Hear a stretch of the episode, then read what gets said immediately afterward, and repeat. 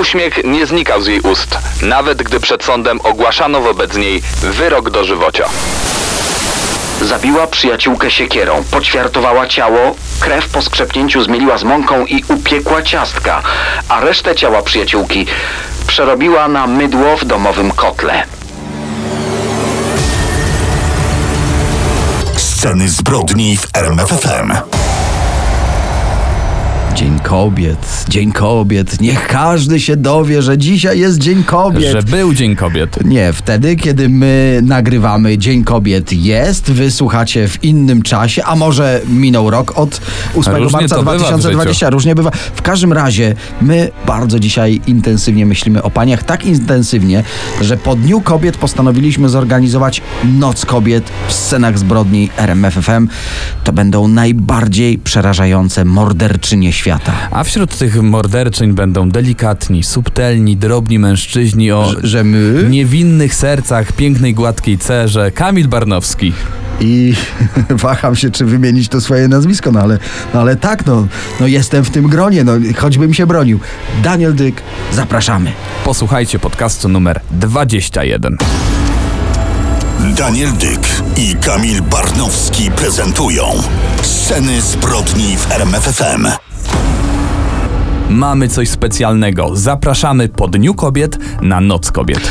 O, i tak jak noc jest kontrastem dla dnia, tak i u nas. Pięknie powiedziałeś poetycko, W tak. kontraście do tych życzeń, do tych serdeczności, do tych drobnych prezentów będą teraz naprawdę brutalne zbrodnie i niezwykle krwawe morderstwa. No bo ten świat morderstw to przede wszystkim świat mężczyzn. Przepraszamy za to. Ale Mhm. kobiety nie były znów takie niewinne. Czytałem ostatnio, że w XIX-wiecznej Galicji funkcjonowały nawet tak zwane fabrykantki aniołów i one za opłatą przyjmowały noworodki oraz starsze dzieci i uśmiercały je. Czyli matka, która chciała pozbyć się własnego dziecka z jakiegoś powodu, wiedziała dokąd się udać, tak? Tak, i mimo tego, że takie punkty się nie ogłaszały, każdy wiedział, jak znaleźć kontakt do takiej fabrykantki.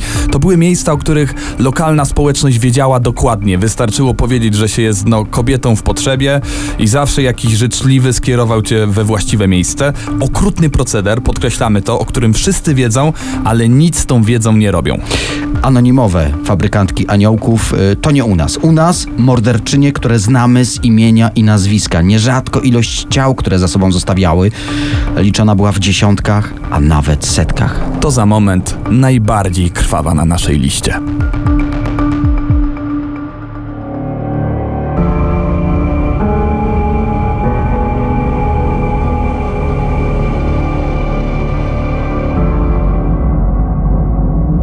Teraz czas na krwawą hrabinę, wampirzycę z Siedmiogrodu, czyli szlachetnie urodzoną Elżbietę Batory. Z przekazów historycznych wiemy, że była zjawiskowo piękna, niezwykle inteligentna, a to w połączeniu z faktem, że była spokrewniona z polskim królem Stefanem Batorym, czyniło z niej no, niebezpieczną rywalkę w dworskich intrygach XVII-wiecznej Europy. Stąd od razu dodajmy, istnieją wątpliwości, czy wydarzenia, które znamy z przekazów, są faktami, czy taką propagandą wymierzoną przeciwko niej. Dzisiaj powiedzielibyśmy, że są to fake newsy, które celowo rozpuszczane są po pałacach. Ale propaganda zrobiła swoje. Elżbieta Batory uważana jest za najsłynniejszą seryjną morderczynię w historii. I tak naprawdę to, co wiemy o niej dziś, to spisane 100 lat po jej śmierci opowieści zebrane przez węgierskiego jezuitę Laszlo Turoczego. Mówi się, że jej ofiarą mogło paść nawet 650 kobiet służących, ubogich szlachcianek, także oczywiście dziewczyn z okolicznych wiosek. Ale u nas zawsze są najważniejsze fakty, więc od nich zacznijmy. Tak, Elżbieta urodziła się w 1560 roku w węgierskim majątku Batorych. Jeśli chodzi o polskiego króla, była jego siostrzenicą. I gdy miała 6 lat, była świadkiem niezwykle brutalnej kary. Jeden z dworzan sprzedał swoje dzieci w niewolę turecką. Wyobraźcie sobie taką sytuację. No i on miał zginąć zaszyty w brzuchu martwego konia. Gdy miała 12 lat, widziała z kolei, jak książę Siedmiogrodu obciął nosy i uszy zbuntowanym chłopom. No ale z kolei w wieku 15 lat została żoną arystokraty i żołnierza, ale no mąż bardziej niż ją kochał wojować, ale znaleźli wspólną pasję, zgadnij jaką? Tor. Tortury. Mąż miał w zwyczaju po bitwie podrzucać pokonanych wrogów i patrzeć, jak nadziewają się na miecze. Służbę tej pary karano wymyślnie za no byle uchybienia. Na przykład wystawiano na słońce, smarowano miodem, by kąsały ich owady. Albo zaszywano usta gadatliwym służkom, przypalano ogniem, cięto nożem opuszki palców za niezdarność. Czy na przykład oblewano wodą i wystawiano na srogi mróz. I w końcu też zaczęły znikać dwórki, a z komnat dochodziły odgłosy biczowania i wrzaski kobiet trwające godzinami. Małżonek zmarł w 1604 roku. Czytałem, że historycy badający jego ciało ustalili, że przed śmiercią nacierano go rtęcią. Wtedy tak leczono kiłę, której najprawdopodobniej nabawił się w Turcji. To co on tam biedny robił w tej Turcji? Przypuszcza się, że Elżbieta mogła dowiedzieć się o chorobie wenerycznej męża i no, pomóc mu wyleczyć ją ostatecznie, że tak powiem. No, wojny to nie tylko bijatyki, możemy tak powiedzieć. W każdym razie, dla zamkowej służby oznaczało to tylko więcej tortur. Podobno w zamku był nawet specjalny loch z zawieszonymi klatkami z metalowymi kolcami. W nich zamykano kobiety, a ich krew spływała do ustawionej poniżej wanny. A tam leżała kąpiąca się Elżbieta i taki krwawy prysznic miał jej dać wieczną młodość. Pomocnikami baronowej była m.in. uchodząca za czarownicę Anna Darwulia. To ona opowiedziała Elżbiecie, że może zachować wieczną młodość i piękno właśnie dzięki kąpielom we krwi młodych kobiet. No ale z kolei Karzeł Fiko wabił te ładne wioskowe dziewczyny do zamku. W okolicznych lasach pojawiały się setki szczątków ludzkich. Jerzy Turco, palatyn i kuzyn hrabiny, wziął na siebie moralny obowiązek skończenia tej krwawej łaźni, wkroczył do zamku, aresztował kuzynkę, no przy okazji zajmując jej ogromny majątek. Oczywiście proces stał się wielką sensacją. Tłumy chciały zobaczyć na własne oczy wampirzycę z Siedmiogrodu. Jej służbę oskarżono o wampiryzm i czarnoksięstwo, torturowano i spalono ich na stosach. Oczywiście zeznali przeciw swojej pani. Ale Elżbiety nie oskarżono o czary, bo wówczas majątek przeszedłby na rzecz kościoła zamiast do jej kuzyna. Elżbieta została zmuszona do przyznania się po prostu do wielokrotnych morderstw. Podobno jeden ze świadków zeznał, że istnieje specjalny rejestr ofiar i z niego wynika, że baronowa zabiła około 650 osób. Wyrokiem dla szlachetniej urodzonej nie mogła być śmierć. Zamiast tego zamurowano ją żywcem w ścianie zamku. Przez wąski otwór podawano jej jedzenie i w takim więzieniu przeżyła całe miesiące. Zmarła w połowie 1614 roku. Ale to nie koniec zagadek, bo pod koniec XX wieku otwarto grobowiec Elżbiety Batory i nie znaleziono wewnątrz żadnych jej szczątków. Sceny zbrodni w RMFFM. Wejdź do mrocznego świata przestępców. Po Dniu Kobiet. Teraz w scenach zbrodni trwa Noc Kobiet i mówimy o tych najstraszniejszych seryjnych morderczyniach świata. Czas na Nanny Doss. Tak naprawdę miała na imię Nancy, ale zdrobnienia dodają uroku tej miłej starszej pani, zwanej także chichoczącą babcią. Uśmiech nie zniknął jej z ust, nawet gdy przed sądem ogłoszono wobec niej wyrok dożywocia. To miała też kilka innych pseudonimów, jakie nadała jej amerykańska prasa w latach 50. XX wieku. Sinobroda dama, zabójczyni samotnych serc, czy po prostu czarna wdowa. I to już wiele zdradza na temat tego, czym zasłynęła, ale przejdźmy do rzeczy. Urodziła się w 1905 roku w stanie Alabama, od najmłodszych lat pracowała na farmie u ojca i jej ulubionym hobby było wówczas, jak sama wspominała, przeglądanie romantycznych czasopism mamy i marzenie o własnej wielkiej romantycznej miłości. Gdy miała 7 lat, przydarzył jej się drobny wypadek, który wpłynął prawdopodobnie na całe jej życie. Gdy wraz z rodzeństwem i rodzicami jechali pociągiem, ten nagle zahamował. Mała Nancy poleciała na siedzenie przed nią, uderzyła głową o metalową poręcz.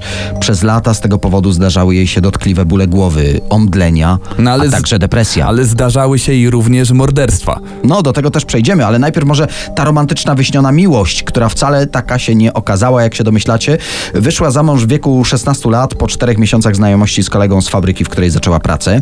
No i po tym zakochaniu się szybko urodziła cztery córki. Z nadmiaru domowego stresu dodać trzeba, że nie dogadywała się także ze swoją teściową. Zaczęła pić. W 1927 roku kolejny nieszczęśliwy wypadek. Dwie córeczki umierają wskutek podejrzanego zatrucia pokarmowego.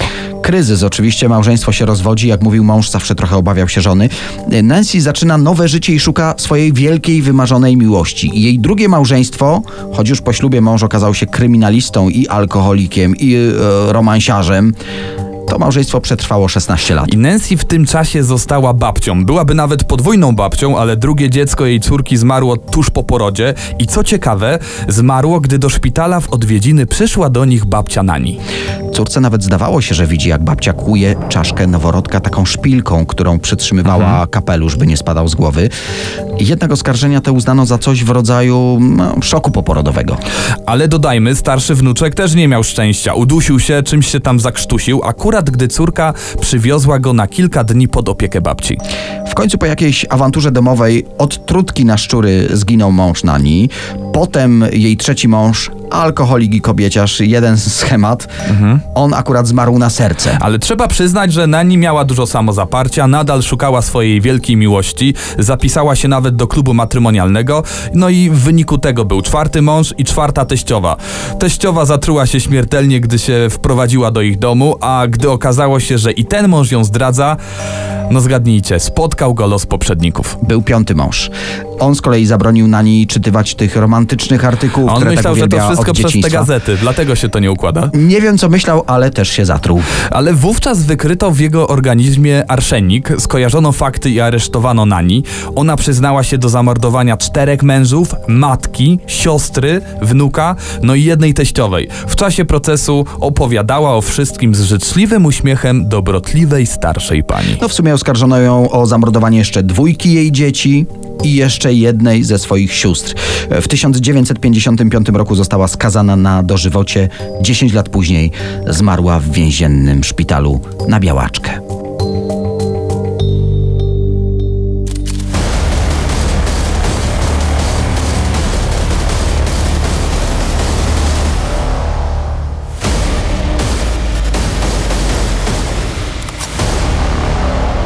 Scenach zbrodni w ostatnich godzinach 8 marca myślimy o kobietach, no mm, ale do tych nie przyszlibyśmy z życzeniami, Nie wpadłeś się. na ciasteczko na przykład? Na pewno nie do Leonardy Cianciuli, na Tak. pewno. Nazwisko już zdradza, że będziemy we Włoszech. To jest seryjna morderczyni znana jako mydlarka z Correggio albo po prostu wiedźma z Correggio. Urodziła się w 1893 roku i podobno wszystkie nieszczęścia wzięły się od złych relacji z jej mamą. Ona po śmierci taty Leonardy znalazła sobie drugiego męża, a córka stała się wtedy dla niej kulą u nogi. I dawała to córce wyraźnie znać, tak wyraźnie, że mała Leonarda dwa razy się powiesiła i oba razy ją odratowano, ale dalej próbowała umrzeć. Miała połykać szkło, miała połknąć druty z gorsetu mamy. Na tym nie koniec. Oskarżyła też mamę o rzucenie na nią uroku dzień przed jej ślubem. Ten zły urok to za to, że córka wyszła za mąż nie za bogatego rolnika, jak mama radziła, tylko za biednego urzędnika i to na dodatek z miłości. No i rzeczywiście w małżeństwie się nie szczęściło. Z 17 ciąż, w jakie zaszła Leonarda, przeżyła tylko czwórka dzieci, więc stały się one dla niej największym skarbem, zwłaszcza najstarszy syn. Gdy wybuchła II wojna światowa i syn miał iść na front, Leonarda chciała dzięki czarnej magii odmienić jego los. Postanowiła złożyć ofiarę z człowieka. Ja czytałem, że matka miała pojawić się w jej śnie i podpowiedzieć ten sposób. Aby uratować dzieci, musisz składać ofiary z ludzi. Nie wiemy, jak było naprawdę, bo pierwszą ofiarę zamordowała jeszcze przed 39 rokiem. I na dodatek była to jej przyjaciółka, marząca o małżeństwie, która lubiła wpadać do Leonardy na jej słynne ciasteczka. No i Leonarda znalazła jej kandydata na tego męża i gdy przyjaciółka miała do niego wyjechać, przejęła pod opiekę cały jej majątek. No i teraz najbardziej przerażająca część tej historii. Nigdzie nie wyjechała. Przyjaciółka zginęła od siekiery. Leonarda poćwiartowała ciało, krew po skrzepnięciu zmieliła z mąką i z tej mąki upiekła ciasteczka, a resztę ciała przyjaciółki przerobiła na mydło w domowym kotle. Niewyobrażalna historia. Podobnie skończyły jej jeszcze dwie przyjaciółki. Ciasteczkami częstowała wszystkich swoich gości, nawet swojego syna Giuseppe, a pachnące mydełka były podarkami dla jej znajomych. Po trzeciej zbrodni jednak śledczy skojarzyli fakty, oskarżyli Leonardę, a także jej syna o współudział. Aby uchronić swojego syna, Leonarda całą winę wzięła na siebie i wszystko opowiedziała. Prokurator nie mógł uwierzyć, że kobieta jest zdolna do takich czynów. Twierdził, że no nie jest w stanie poćwiartować zwłok, no i zażądał rekonstrukcji zdarzeń. Wyobraźcie sobie, no dobra, albo lepiej sobie nie wyobrażajcie. Zdecydowanie. Dostarczono ciało jakiegoś bezdomnego z prosektorium i Leonarda pokazała, co potrafi zrobić z tasakiem, nożycami ogrodniczymi i piłą do drewna. Wystarczył jej zaledwie kwadrans. Musiała też pokazać prokuratorowi, jak przerabia go na mydło.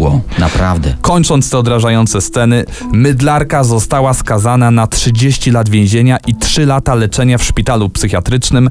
Zmarła po 24 latach wyroku. Wiedźma z Correggio, także w więzieniu, słynęła z wypieku ciasteczek. Ale mm, wspomniana przez nas siekiera, nożyce ogrodnicze, piłka do drewna, tasak i inne te narzędzia, których używała, trafiły do Muzeum Kryminologii w Rzymie. Dodajmy, że na podstawie tej krwawej historii włoscy autorzy popełnili kilka piosenek, książek, sztuk teatralnych, filmów. Powstała nawet czarna komedia. Także uważajcie na to, czego słuchacie i co oglądacie.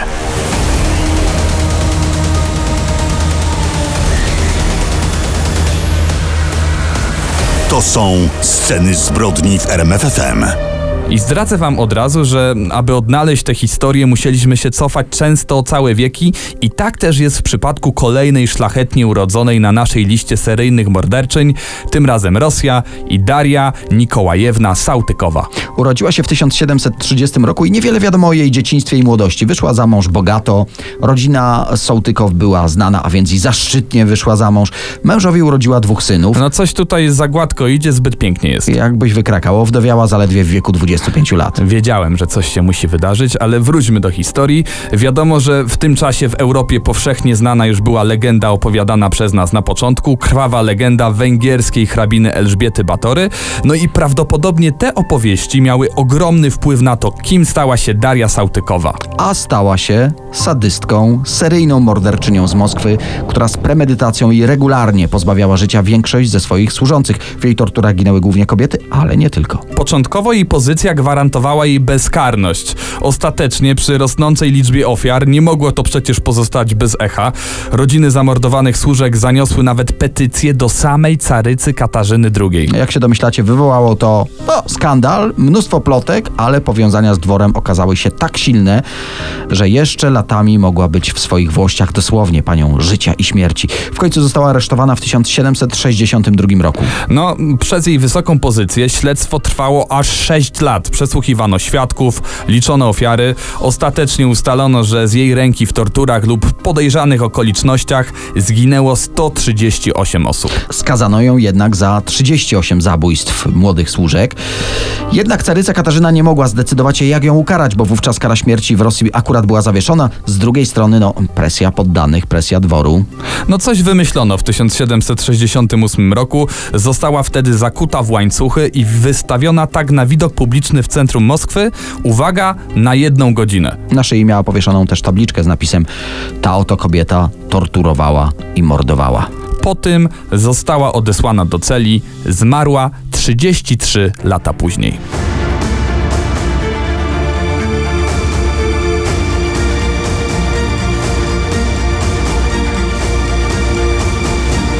Scenach zbrodni teraz Dagmar Overbie z duńskim akcentem chciałem no, powiedzieć. Nie Pięknie wiem, to wyszło. powiedziałeś, naprawdę. Słuchacze będą dumni, ja też to doceniam. No i ta kobieta, ta pani Dagmar, to duńska zawodowa opiekunka do dzieci. Głównie zajmowała się dziećmi urodzonymi z romansów pozamałżeńskich, no i dla nich nie było miejsca w domu rodziców, no i była dla nich taką mamą zastępczą. Niestety dzisiaj wiemy, jak skutecznie potrafiła uciszyć płacz dzieci, które miała pod swoją opieką. Dagmar, y, no dajmy, urodziła się w 1887 roku, a pierwsze dziecko zamordowała w 1913. Wszystkie jej morderstwa miały wyglądać za każdym razem jako no, nieszczęśliwy wypadek. Dzieci dusiła, topiła, ich ciała paliła u siebie w piecu kaflowym, część zwłok zakopała lub ukrywała je w gołębniku. Przerażający jest fakt, że przez kolejnych 7 lat takich wypadków zdarzyło się w sumie 25. Dopiero wtedy wszczęto śledztwo, dopiero wtedy aresztowano te nianie. Ale udowodniono jej dziewięć morderstw. Podkreślamy, według śledczych ma na swoim koncie nawet 25 ofiar, w tym swoje własne dziecko. Jej prawnik jako okoliczność łagodzącą wskazał, że gdy Dagmar była małą dziewczynką, stała się ofiarą molestowania. No ale sędzia wydał najsurowszy możliwy wyrok. Najlepszym podsumowaniem tego, jak makabrycznych rzeczy dokonała ta kobieta, jest fakt, że w Danii tylko trzy kobiety zostały skazane na śmierć w całym XX wieku. Wyrok usłyszała w 1921 roku. Wyrok śmierci, ale dodajmy, że go nie wykonano. Przepisy w Danii złagodzono. No i wszystkie te kary śmierci kobiet zamieniono po prostu na dożywotnie więzienie. I tak zupełnie na koniec dodajmy, że w Danii powstała książka oparta na historii Dagmar. Tytuł to Engel Magersken, co tłumaczy się jako... Też po duńsku widzę No tutaj. nauczyłem się przez dwie minuty od ciebie, co gorsze będę. I to tłumaczy się na polski jako produkująca anioły. Powstała także sztuka teatralna Matka Morderczyni.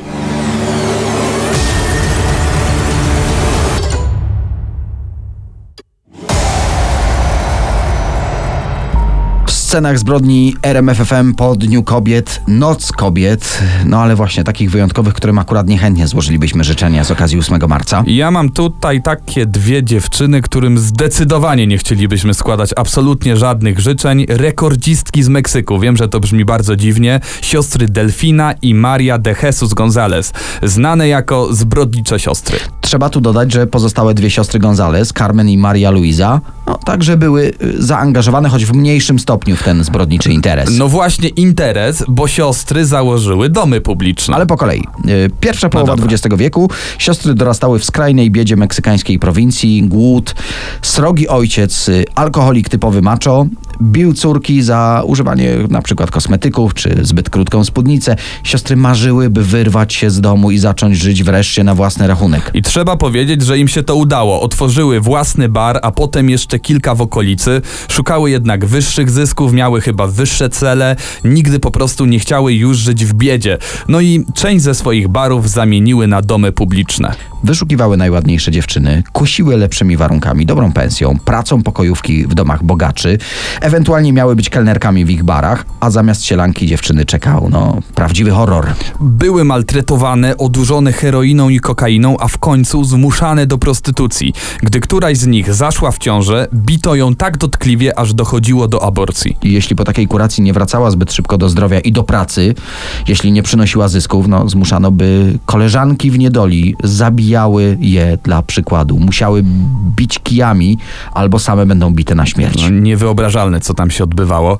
No, podobnie też było z pracownicami, które po prostu przestały się podobać klientom. Delfina i Maria de Jesus zabijały je, a później w śledztwie zeznały. No cóż, nie było na tyle jedzenia, żeby starczyło dla wszystkich. Mordercze siostry zaczęły zabijać również co bogatszych klientów, przejmując ich wypchane portfele. Siostry Gonzales potrzebowały coraz więcej pracownic, biznes się kręcił, zaczęły więc porywać kolejne dziewczyny. Najgorszy los spotykał te, które trafiały na rancho Loma del Angel, zwane piekielnym burdelem. Policja, co oczywiście naturalne, otrzymywała zgłoszenia o zaginięciach, ale no nie mogła wpaść na żaden trop. Mało tego, jak się później okazało, policjanci też korzystali z przybytków sióstr Gonzales. Najciemniej pod latarnią, I prawda? tak było też w tej sprawie. Przełom nastąpił w 1964 roku. Jedna z pracownic y, sióstr uciekła i doniosła o wszystkim policji. Miała powiedzieć, te siostry to demony, wyznawczynie szatana, zabijają ludzi, grzebią ich koło domu. Policjanci jadą pod wskazany adres, siostry wyzywają śledczych, rozganiają przekleństwami gapiów, a policja w tym czasie w jednym z pokojów znajduje kilkanaście nagich, brudnych i wygłodzonych dziewczyn. Później w ogrodzie przy posiadłości znajdują szczątki 80 kobiet, 11 mężczyzn i wielu nienarodzonych dzieci. Nie ma się czemu dziwić, że proces Gonzales stał się największą sensacją w Meksyku. Jedna z nich, no nie dożyła procesu, ale wobec trzech zeznawały dziesiątki byłych pracownic. Potwierdzały te najmroczniejsze domysły śledczych. Gwałty, morderstwa, maltretowania, także praktyki satanistyczne. Siostry oskarżyły z kolei znanych obywateli, że dali się przekupić, by tuszować sprawę ich brudnego No skąd biznesu. to znamy? Na przykład z serialu Narcos, że takie rzeczy w Meksyku się zdarzały. Ale wróćmy do procesu. Zostały skazane na 40 lat pozbawienia wolności. Maria Luisa zmarła w swojej celi w 84 roku. Delfina, najstarsza z sióstr, oszalała w więzieniu i również zginęła, podobno w wyniku wypadku. No właśnie, bo pracownicy remontujący więzienie chcieli koniecznie zobaczyć tę słynną morderczynię. Jeden z nich wychylił się tak nieostrożnie, że trącił wiadro z cementem. Wiadro trafiło delfinę w głowę, zmarła na miejscu. A może to nie był wypadek? Ostatnia z sióstr, Maria de Jesus, odsiedziała wyrok i zmarła już na wolności. Ale tak zupełnie na koniec tej historii, dzisiaj mamy dużo takich wątków. W 2002 roku przy budowie nowego osiedla w okolicy rancza zbrodniczych sióstr budowlańcy natrafili na szczątki około 20 osób. Szczątki pochowane w latach 50. i 60., co sugeruje, że na koncie sióstr Gonzales mogło być co najmniej 110 ofiar. A może budowa kolejnych osiedli jeszcze powiększy tę liczbę.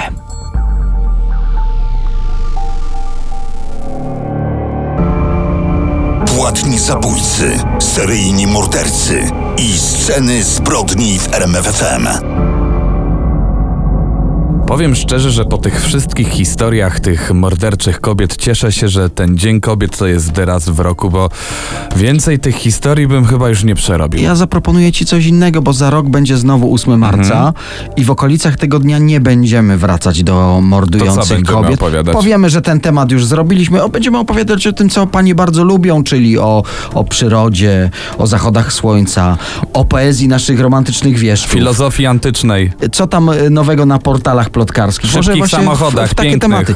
Cieszymy się, że posłuchaliście i dzieliliście te historie razem z nami, bo to przecież dla was je nagrywamy, dla was je zostawiamy na RMF-onie i na tych wszystkich podcastowych aplikacjach, na których słuchacie swoich ulubionych podcastów. A przypominam, że premierowo jesteśmy zawsze w każdą niedzielę o godzinie 22 w radiu RMFFM, a za dzisiaj dziękujemy. Kamil Barnowski. I Daniel Dyk, jakby co, to pamiętajcie, że jesteśmy też na YouTubie.